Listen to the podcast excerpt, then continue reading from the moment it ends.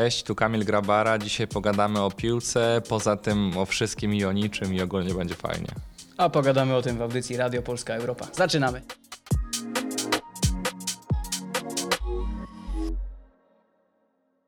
Tak sobie myślę, Kamil, że zdarzały się pewnie gorsze momenty w Twojej karierze, bo tak, najpierw Mistrzostwo Danii, potem debiut w reprezentacji Polski, do tego gdzieś tam na boku awans ruchu Chorzów o, o pięterko wyżej, więc chyba jest całkiem okej. No czy bywały gorsze? Na pewno bywały gorsze. Myślę, że to jeden z pierwszych pozytywnych e, momentów w mojej karierze i sezonu, więc na pewno bywały gorsze, ale no myślę, że że tak naprawdę w moim interesie jest zadbać o to, żeby ten roller coaster zawsze jeździł do góry, a nie w dół. Mhm, Rozmawiamy w czwartek, czyli dzień po Twoim debiucie e, w pierwszej reprezentacji Polski, dzień po meczu z Walią we Wrocławiu. To tak w takim razie w skali szkolnej, jakbyś sam miał sobie wystawić oceny, jaka by to była? Mm, Myślę, że takie, no nie wiem, w sumie niech napiszą widzowie, co mi wystawiają, to się oprzemy na opinii kogoś. Ja nie lubię samego siebie oceniać. e, Mam wrażenie, że od tego są inni ludzie. A gdybym miał oceniać, no to powiedzmy takie 4 z minusem sobie dał.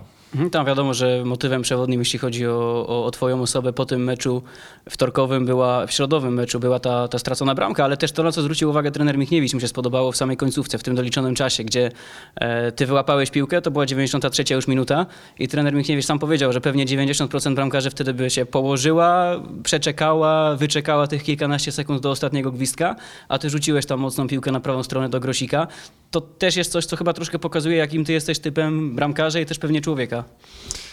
Nie wiem, powiem szczerze, czy szukałbym tu jakiegoś e, podobieństwa w jednej akcji meczowej do, do typu osoby, jaką jestem. E, Ja w tym meczu wystarczająco dużo czasu zmarnowałem, e, celebrując wybicie jakiegoś tam faulu, czy, czy piłki ze spalonego, czy piątki, więc, więc tak, a, a często jest w meczach tak, że w 90 i tam powiedzmy drugiej minucie, bodajże to chyba była 92 minuta, no to, no to faktycznie czasami jest tak, że drużyna, która, która goni ten wynik, no to się otwiera i, i widziałem właśnie, że Kamil jest w zupełności sam, więc myślę, że to summa summarum e, rozsądniejsze zagranie piłki jest w taki sposób, aniżeli gdybym leżał, trzymał i potem wybiłem gdzieś powiedzmy 70 metrów od bramki i liczył na to, że zdobędziemy tą drugą piłkę, więc myślę, że paradoksalnie było to, to bezpieczniejsze rozwiązanie, aniżeli, tak jak wspomniałeś wcześniej, e, położenie się na ziemi.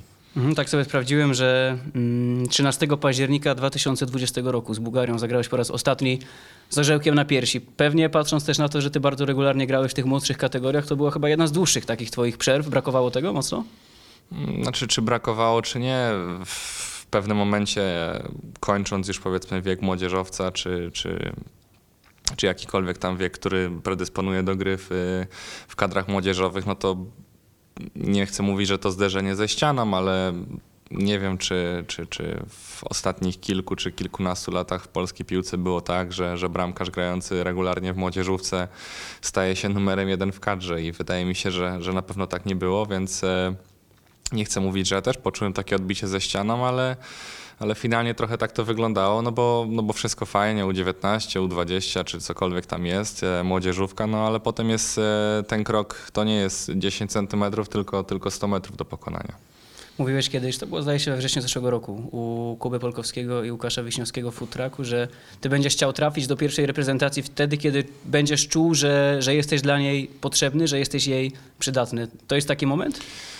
Myślę, że i tak i nie, bo, bo mam wrażenie, że, że kadra by sobie beze mnie też poradziła, więc, e, więc może w 100% te słowa się nie pokrywają, ale, ale na pewno lepiej jest tutaj trafić z myślą, że, że może jakąś szansę dostanę, w którymś meczu mam szansę zagrać i, i, i tak się stało, no i bardzo fajnie, więc, e, więc cieszę się z takiego obrotu spraw, aniżeli jeździłbym tutaj powiedzmy przez 10 zgrupowań i, i nie był nawet blisko, żeby zagrać. Jasne, bo to był pierwszy mecz y, w narodowych barwach, jeśli chodzi o tą pierwszą reprezentację, ale nie pierwsze zgrupowanie, bo, bo miałeś już okazję wcześniej być. Ty chyba nie miałeś jakiegoś dużego problemu z wejściem do tej ekipy, bo też jak nawet spojrzałem na, na te powołania, 11 zawodników oprócz ciebie, to jest ta, ta wasza paczka z Euro U21, więc na dobrą sprawę ty wchodzisz do środowiska, które dobrze znasz. Myślę, że ogólnie taka aklimatyzacja czy jakieś takie frazesy, to, to za bardzo nie ma miejsca. Siłą rzeczy i tak tych chłopaków znałem lepiej bądź gorzej. A, a w życiu piłkarza tylu, tylu ludzi spotykamy na swojej drodze, że jeżeli nie potrafimy nawiązywać nowych znajomości albo odnajdywać się w nowej grupie, no to możemy mieć spory problem, więc, e, więc nie było żadnego problemu. Nawet nie myślałem, że to może być jakiś problem. Mhm, a osoba trenera, bo były takie, takie głosy, pojawiały się takie hasła, że, że jesteś troszkę synkiem trenera Michniewicza. Coś w tym jest, czy to na wyrost? No może jestem, no pewnie dlatego zagrałem, no nie? Pamiętam, że też podkreślałeś to, że, że spore jednak wrażenie na tobie zrobiły te odprawy trenera. Jeszcze to było za czasów U21, zdaje się po tym ostatnim zgrupowaniu, kiedy, kiedy trener Michniewicz się z wami żegnał, że sporo się nauczyłeś od niego, że sporo z tego wyniosłeś. Ty też widzisz jakieś różnice, jeśli chodzi o, o trenera, o to, jak on się zmienił od tamtego czasu, bo wiemy, że między tą pracą W21, a pierwszą reprezentacją był jeszcze ten czas w Legii, gdzie troszkę inna specyfika, troszkę też inny materiał ludzki w porównaniu do, do rywali. Widzisz, że trener Michniewicz też zmienił pewne rzeczy w swoim podejściu do was? No na pewno odprawy są krótsze. Także to dobrze wiem, czy nie, źle? Nie wiem, czy to coś, e, co trener Michiewicz e, nabył w międzyczasie, ale, ale odprawy są no, troszeczkę krótsze i jest ich trochę mniej, ale czy to pozytywne, czy negatywne, to nie mi oceniać.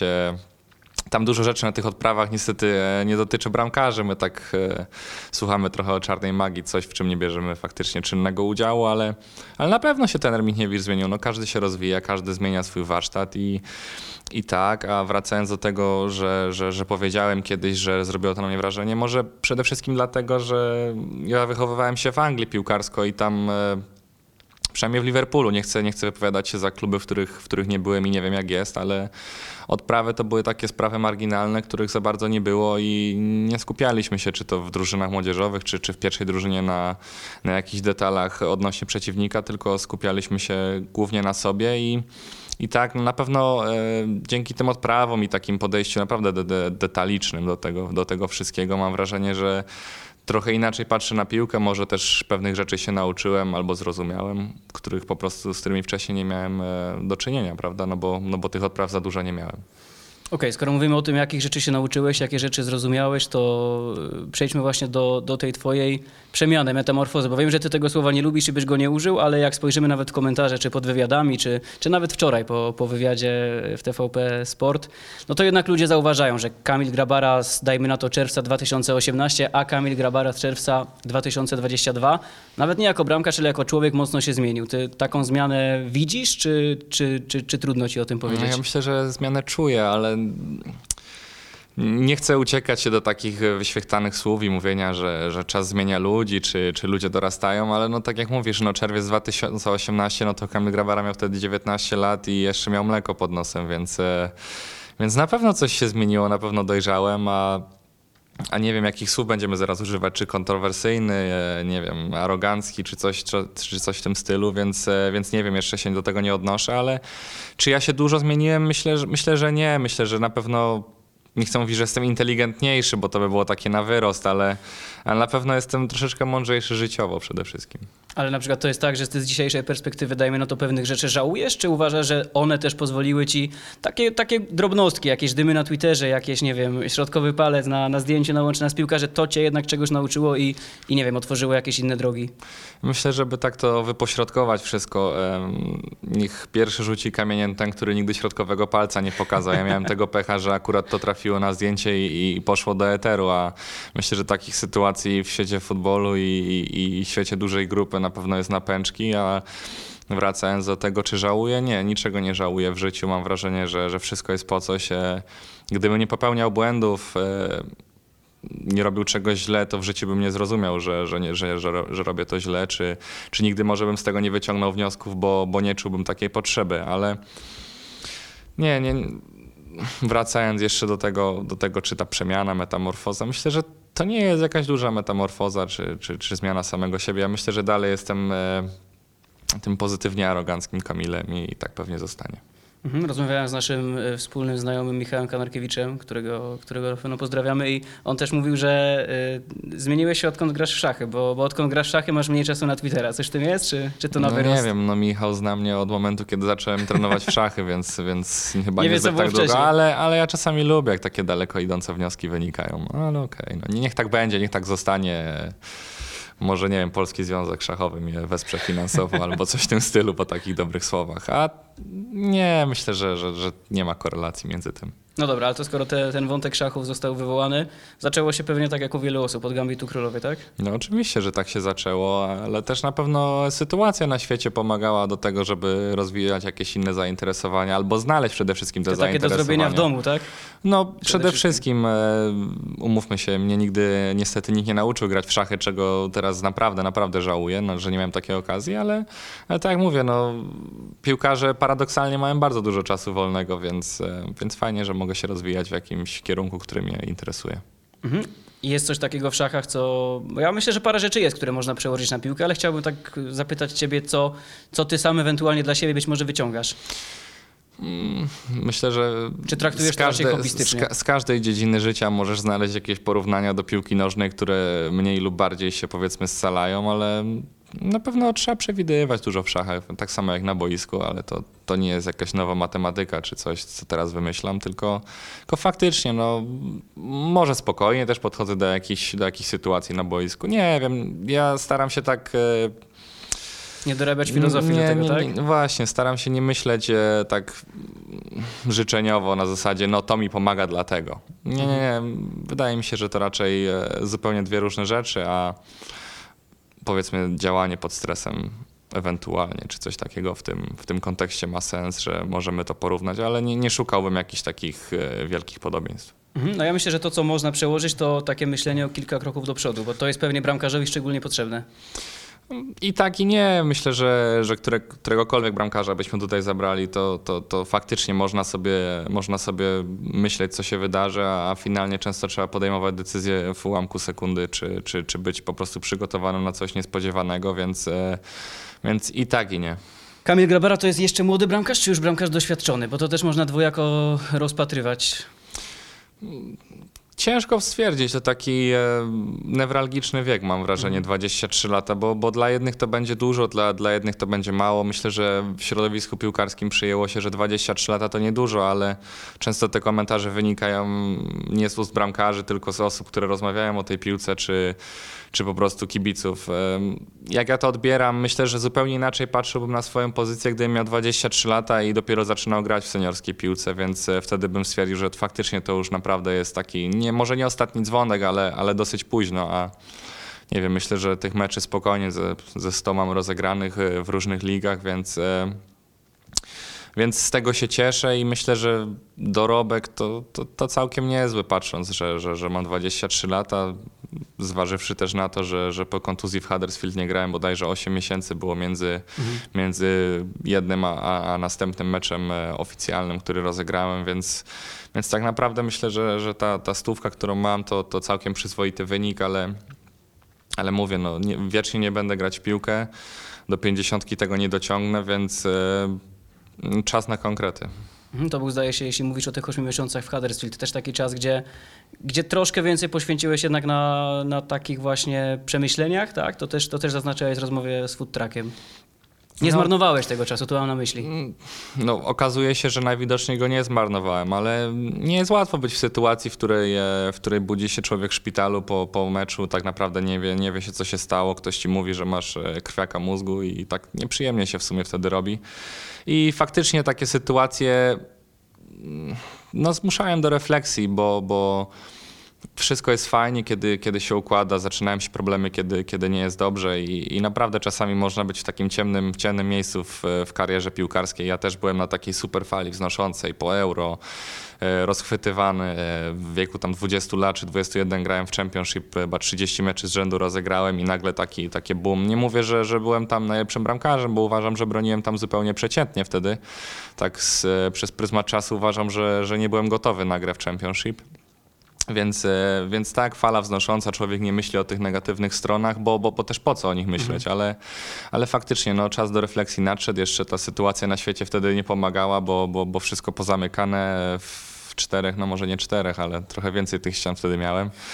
E, No ale sam ze sobą i, i, i tylko, tylko Dominika ze mną, ze mną była i, i nasz pies i tak w trójkę, no faktycznie nie, nie było to dla mnie łatwe, bo, bo nie dość, że byłem sfrustrowany, to, to też smutny po prostu, bo, bo najzwyczajniej w świecie brakowało mi grania w piłkę i też, i też nie wiedziałem, co będzie ze mną dalej, a, a jak się okazało, to nie był taki jedyny gong, który dostałem, bo następny przyszedł potem, że no tak naprawdę po tym sezonie w Huddersfield i nie graniu 8 miesięcy. Naprawdę ciężko było znaleźć mi klub i, i faktycznie miałem opcję bezpiecznego trenowania sobie, sobie w Liverpoolu, e, zarabiania tych pieniędzy, które tam, które tam miałem, bo akurat podpisałem nowy kontrakt, więc to była taka wygodna opcja, no ale myślę, że patrząc przez pryzmat mojej kariery, nie wybierałem tych wygodnych, wygodnych opcji, bo, bo nieraz e, potrafiłem schylić głowę i pójść na wypożyczenie do, do, do gorszego klubu, a nawet może nie słabego, ale po prostu gorszego od tego, do czego przywyknąłem, więc, e, więc też wiadomo, był czas na refleksję, ale, ale nie, nie próbowałem obwiniać całego świata wokół mnie.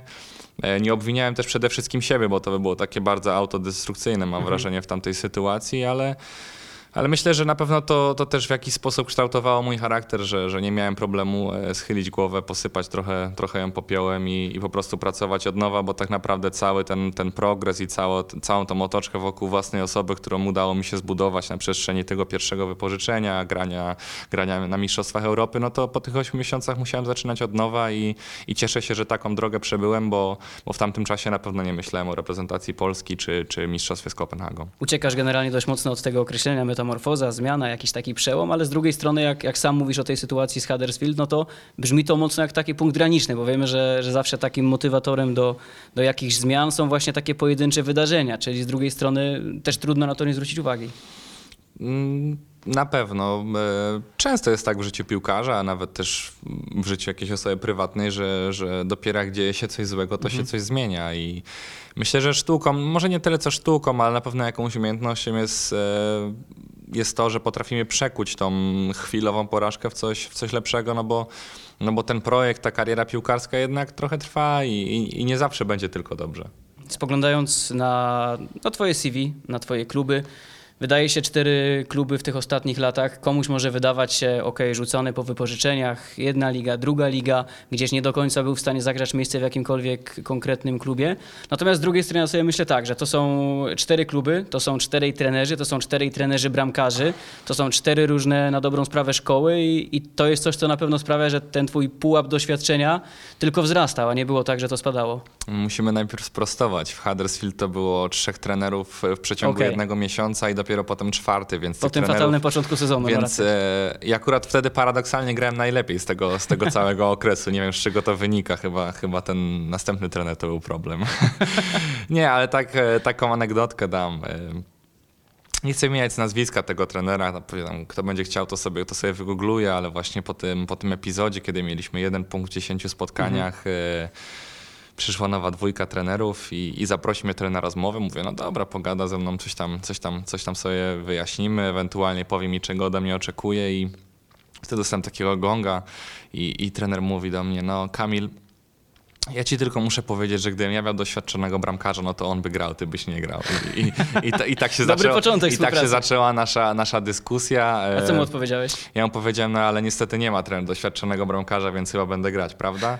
I No tak i, i, tak się, i tak zostało, no ale przy tym, przy tym, przy tym uderzeniu w głowę jeszcze, jeszcze napisał do mnie w szpitalu, żeby, żeby e, zaraz przeczytałem wiadomość po tym, jak się wybudziłem. E, napisał do mnie wiadomość, e, Kamil, nie przejmuj się, czekamy na ciebie, głowa do góry, mam nadzieję, że wszystko dobrze. No i trzy godziny później podpisali Wziął nowego doświadczonego, bramkarza. tak? No, ale to, ale dzisiaj z perspektywy czasu się, Mhm. się z tego śmieję. Wtedy byłem, e, użyłbym tu takiego, takiego słowa, ale nie powiem, byłem wtedy bardzo wkurzony. Mhm. A teraz przyjmuję to zupełnie ze śmiechem i, i, i tyle, no i życzę mu powodzenia. Jasne. Takie ligi jak Championship, jak Duńska Superliga, umówmy się, no to nie są ligi, które w Polsce kibice oglądają od deski do deski. I to jest też pewnie w pewnym sensie twoje przekleństwo, że jednak to, co potem śmiga po internecie, to nie 90 minut twojego występu, ale takie urywki. I jak nawet tak sobie pomyślałem, to z czasów Championship, z czasów y, gry w Danii, ale w Aarhus, docierały przede wszystkim urywki z jakichś takich twoich klopsów, z jakichś takich dużych błędów, ze źle obliczonych wyjść. Natomiast teraz, jak sobie spojrzymy na te urywki, mówię znów, które pojawiają się w prasie, w internecie, to jednak to są czyste konta, to jednak to są te kolejne ważne interwencje na drodze do mistrzostwa. Pewnie to jest coś z jednej strony dla ciebie negatywnego, że ludzie nie są w stanie i nie mogą na dobrą sprawę oglądać całych twoich meczów, ale z drugiej strony, choćby po takich urywkach widać jednak spory progres i postęp. Myślę, że musimy sobie sprostować na początku jedną rzecz, że moja kariera nie jest prowadzona dla mnie w ten sposób, żeby robić ludziom dobrze wokół mnie, albo ludziom w internecie robić dobrze, żeby to sprostować, bo, bo to nie jest cel nadrzędny mojej przygody z piłką, to przede wszystkim. A to, czy tam trafiają moje babole, czy trafiają moje super interwencje, no to jak, ktoś, jak to kiedyś ktoś powiedział, e, nieważne jak, ważne, że piszą, więc... e, więc No nie, tak, ja ale nie- ta atmosfera wokół człowieka, wokół potencjalnego reprezentanta, to na pewno jest coś, co wpływa też na... No, oczy- oczywiście, na że tak, rzeczy. ale powiem szczerze, że nie, nie powiększa to mojego ego, że teraz wszyscy się. Wszyscy, wszyscy, nie wiem, e, pieją z zachwytu, że Kamil Grabara pomógł swojej drużynie w zdobyciu mistrzostwa. To, to jest tak.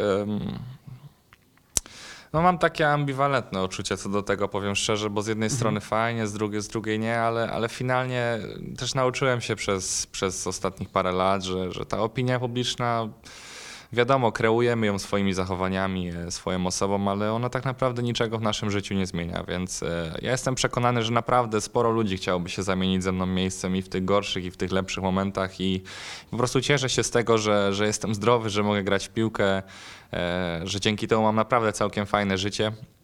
I, I tak jak mówisz, okej, trafiały tam jakieś klopsy, no wtedy byłem najgorszy, teraz jestem najlepszy, no i, i, tak, to, i tak to wygląda. I to zawsze jest tak, że jak jesteś najgorszy, to pewnie tych głosów jest dużo więcej, a, a jak idzie dobrze, to, to jest tego trochę mniej. Ale dobra, no skoro mówimy o tych, o tych babolach, jak sam to określiłeś, masz taką refleksję, no bo jednak co by nie mówić, one polegały na różnych, na różnych jakby, zapisywały się w różne kategorie. Czasami to było źle obliczone wyjście z bramki, czasami to było zagranie prosto do przeciwnika. Masz jakąś taką swoją koncepcję, z czego to mogło wynikać? Czy z jakiejś trochę ryzykownej gry, czy z jakichś takich zastojów koncentracji? Bo zastanawiam się też nad tym, wiadomo, że gdyby coś takiego przydarzyło ci się, dajmy na to, w meczu, w meczu z Walią, no to to by już na pewno wpłynęło mocno na twoją, na twoją przyszłość. Powiem tak.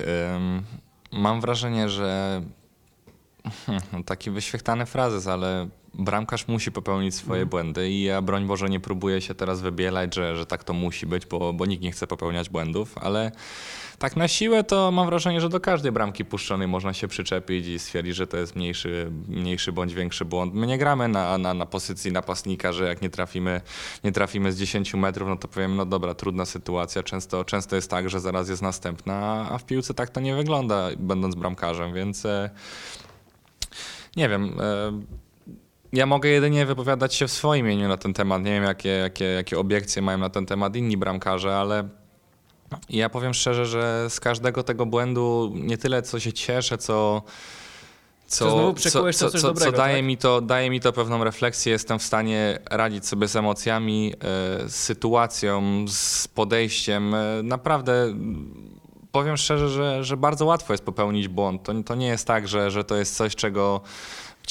Często bramkarze przede wszystkim są na takiej cienkiej linii między, między super interwencją albo bardzo dobrą decyzją, a, a, a powiedzmy kompletnie, kompletnie złą. I wiadomo, są błędy kategorii mniejszej i większej. Często te, te, te mniejsze błędy albo ryzykowne sytuacje, które przekuwamy na przykład w dobre wyjście na przedpole, a w minięcie się z piłką i, i, i z tego jest bramka. Więc ta linia jest naprawdę cienka i no i tak, no i w naszym interesie jest to, żeby zawsze być po tej dobrej stronie tej linii, czego, czego niestety nie da się zrobić, ale mam wrażenie, że ileś tym, nie liczę sobie tych błędów, tak? Nie, nie, nie śnią mi się po nocach, ale, ale wiem, jak się zachowałem i wiem, jakbym teraz się musiał zachować i unikam takich sytuacji, bo po prostu wiem, jak się w nich zachować i, i cieszę się, bo to na pewno też, to na pewno też przychodzi z doświadczeniem, a, a na pewno fajnie, no i fajnie i nie, fajnie jest być doświadczonym w wieku 23 lat i, i wiedzieć, jakie błędy się popełniało i jak tych błędów unikać.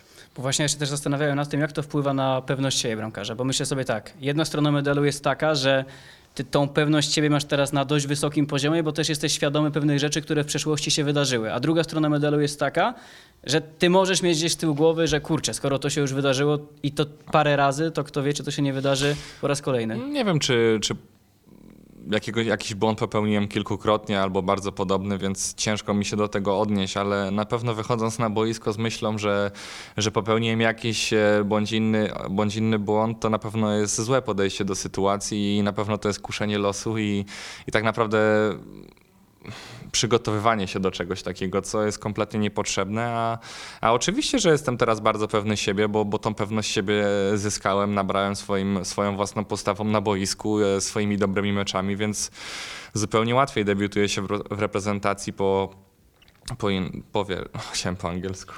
Może być. Nie, e, Albo po duńsku. Nie, no po duńsku to nie grozi, spokojnie. Ciężko.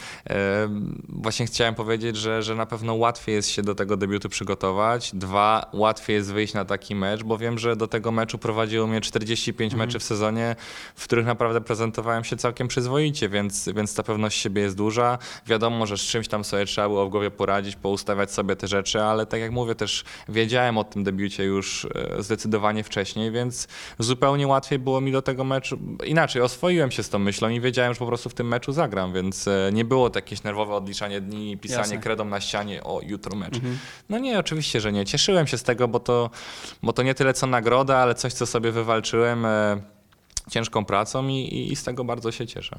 I też cieszysz się, że ten debiut nastąpił akurat w tym momencie, bo sam mówisz, że teraz jesteś zbudowany całym tym sezonem, a mogło zdarzyć się tak, że dajmy na to zadebiutowałbyś, nie wiem, pół roku temu chociażby na tym, na tym jesiennym zgrupowaniu. Czułbyś wtedy, że być może to nie jest taki do końca dobry moment, gdyby na przykład okoliczności, nie wiem, kontuzje, inne kwestie zbiegły się tak, żebyś musiał zagrać wtedy?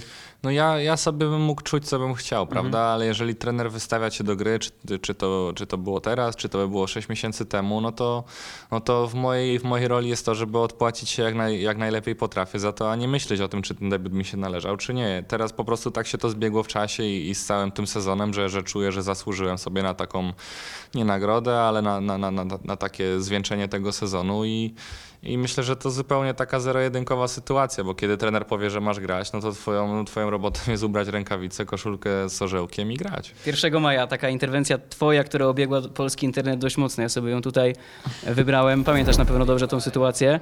Co tam się w ogóle wydarzyło? Bo ty czekałeś poza światłem bramki, czyli tam, No, gdzie powinieneś czekać. No, mam wrażenie, że jeżeli siłą rzeczy ja sugeruję się ustawieniem mojego drugiego stopera, więc gdyby mój stoper był tutaj, no to wiadomo, że ja ustawiłbym się centralnie na, na, na, na, linii, na linii powiedzmy tutaj e, no, na wapnie, czy jak to się tam mówi. Więc zupełnie inaczej bym się do tej sytuacji przygotował, ale widzę, że mój obrońca jest tak naprawdę na, na środku bramki. Nie wiem, czy to dokładnie widać, ale, ale Mhm, myślę, tak, że tak, to tak, mniej więcej było, było w osi bramki, środek bramki. Nie mówię, że to jest duży pressing, bo to nie jest pressing, ale wiem, że tej piłki mu tutaj raczej nie podam, więc w zamyśle było to, żeby piłkę przyjąć sobie tutaj.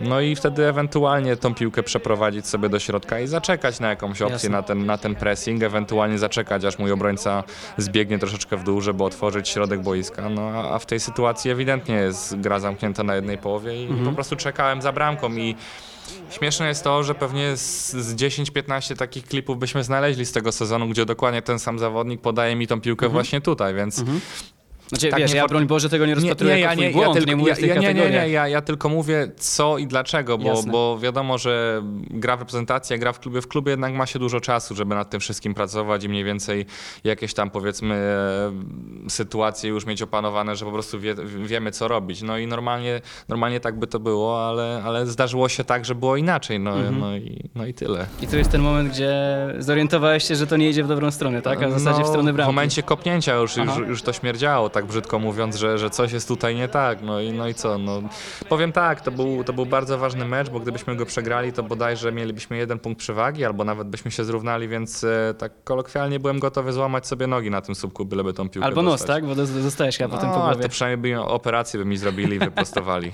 Są zawsze jakieś, jakieś Jakieś pozytywy. plusy. Nikolaj Boylesen, tak? Zdaje się, podawał Mhm. tę piłkę. Jakoś tam ci się odwdzięczył po tym po meczu, bo to też dla niego byłaby na pewno No, taka sytuacja, która by śmigała. Jakoś tam się odwdzięczył. Okej, okej.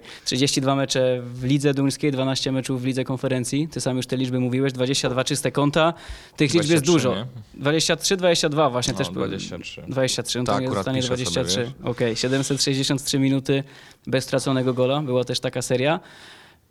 Ty mówiłeś gdzieś, że to wynikało troszkę z tego, że, że tych strzałów na bramkę było mało. Rzeczywiście tak było, że ty miałeś takie mecze, gdzie, gdzie troszkę się wynudziłeś?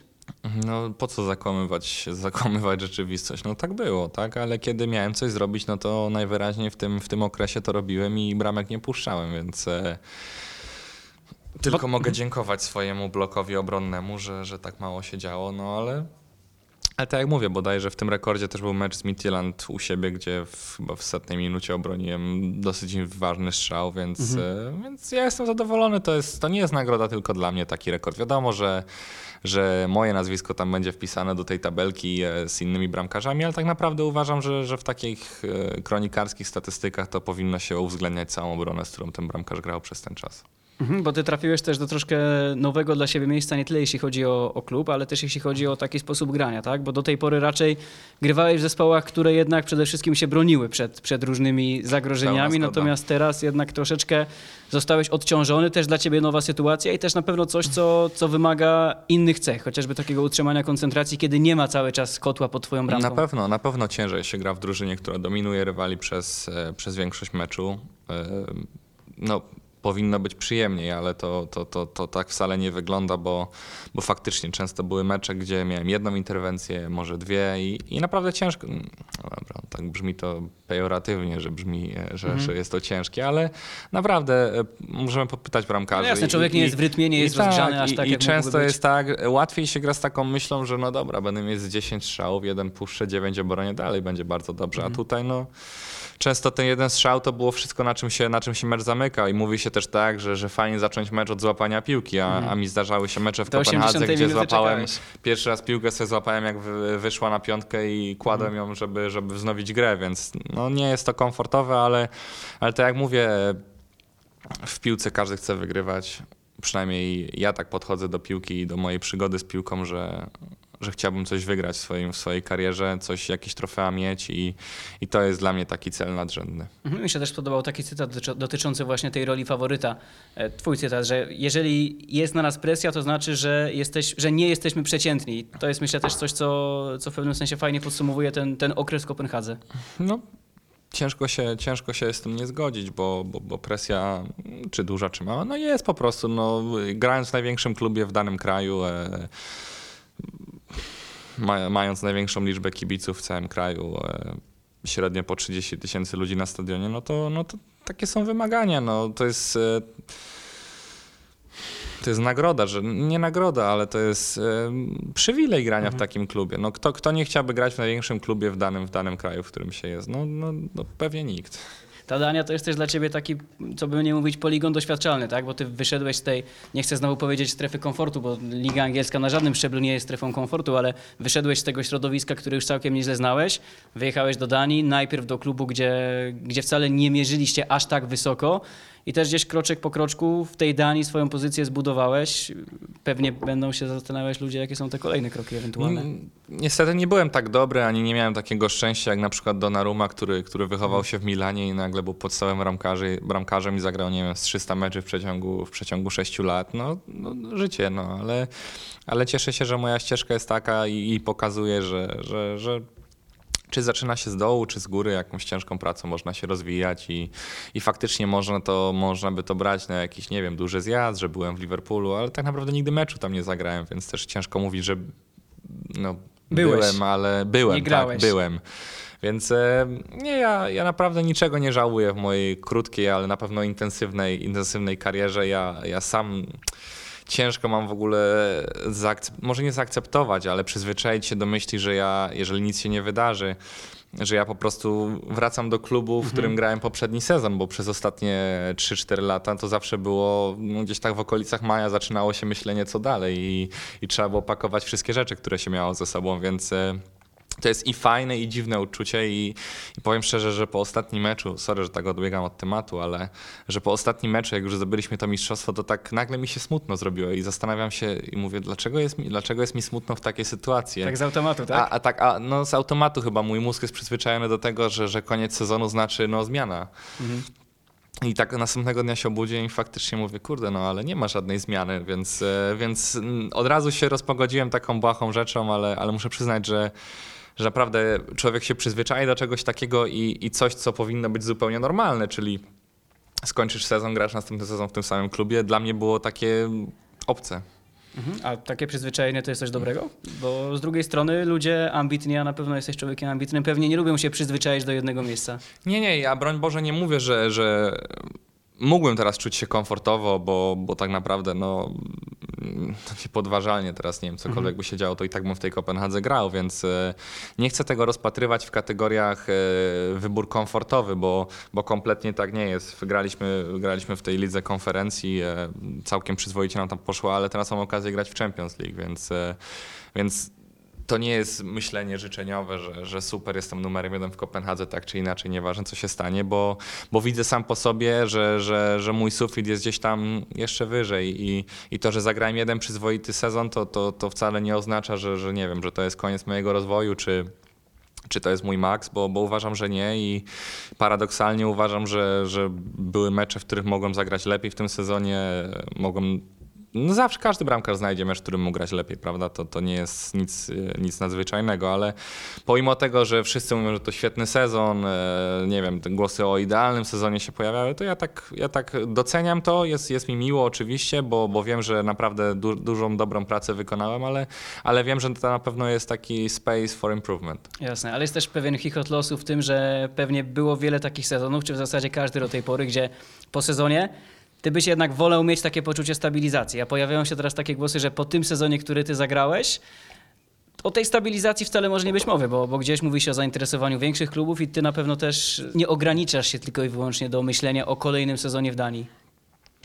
Nie, nie ograniczam się, ale, ale patrząc z perspektywy czasu i z tego, że, że Kopenhaga zainwestowała jakieś tam we mnie pieniądze, związała ze mną nadzieję, na pewno gdybyśmy mieli się rozstać, ale jeżeli to będzie tłumaczone, to nie chciałbym, żeby to było przetłumaczone, że się rozstajemy, bo kompletnie tak nie jest. Jasne. I na pewno chciałbym, żeby to było dla mojego dobra i dla dobra klubu, bo, bo na pewno cokolwiek się wydarzy w mojej karierze, gdziekolwiek skończę, kiedykolwiek ją skończę, to będę wdzięczny, że w takiej sytuacji, w której byłem, że faktycznie było rozdroże z Liverpoolem, ja już nie miałem ochoty ciągnąć tej takiej, no takiej toksycznej relacji może nawet bardziej.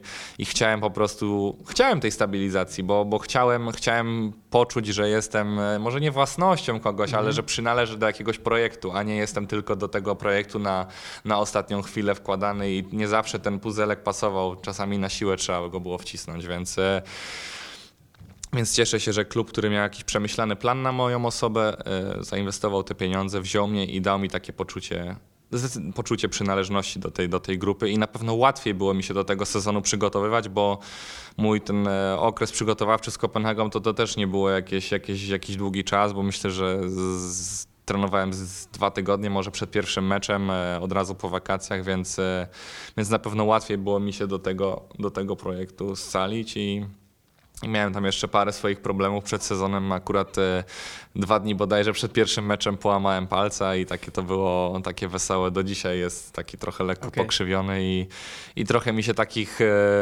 no takiego trochę piasku w oczy mi poleciało, ale, ale tak jak mówię, no fajnie, że fajnie, że to jest coś, co, co, co można nazwać dłuższą relacją, aniżeli takim krótkim skoczkiem. No właśnie, bo też wnioskuję z tych twoich słów, że masz takie poczucie, że trafiłeś do fajnego klubu, do fajnego projektu, też pewnie do fajnego miasta przy okazji, bo gdzieś czytałem, że to jedno z fajniejszych miast w Europie do życia, Kopenhaga właśnie. Zgadzasz się z tym?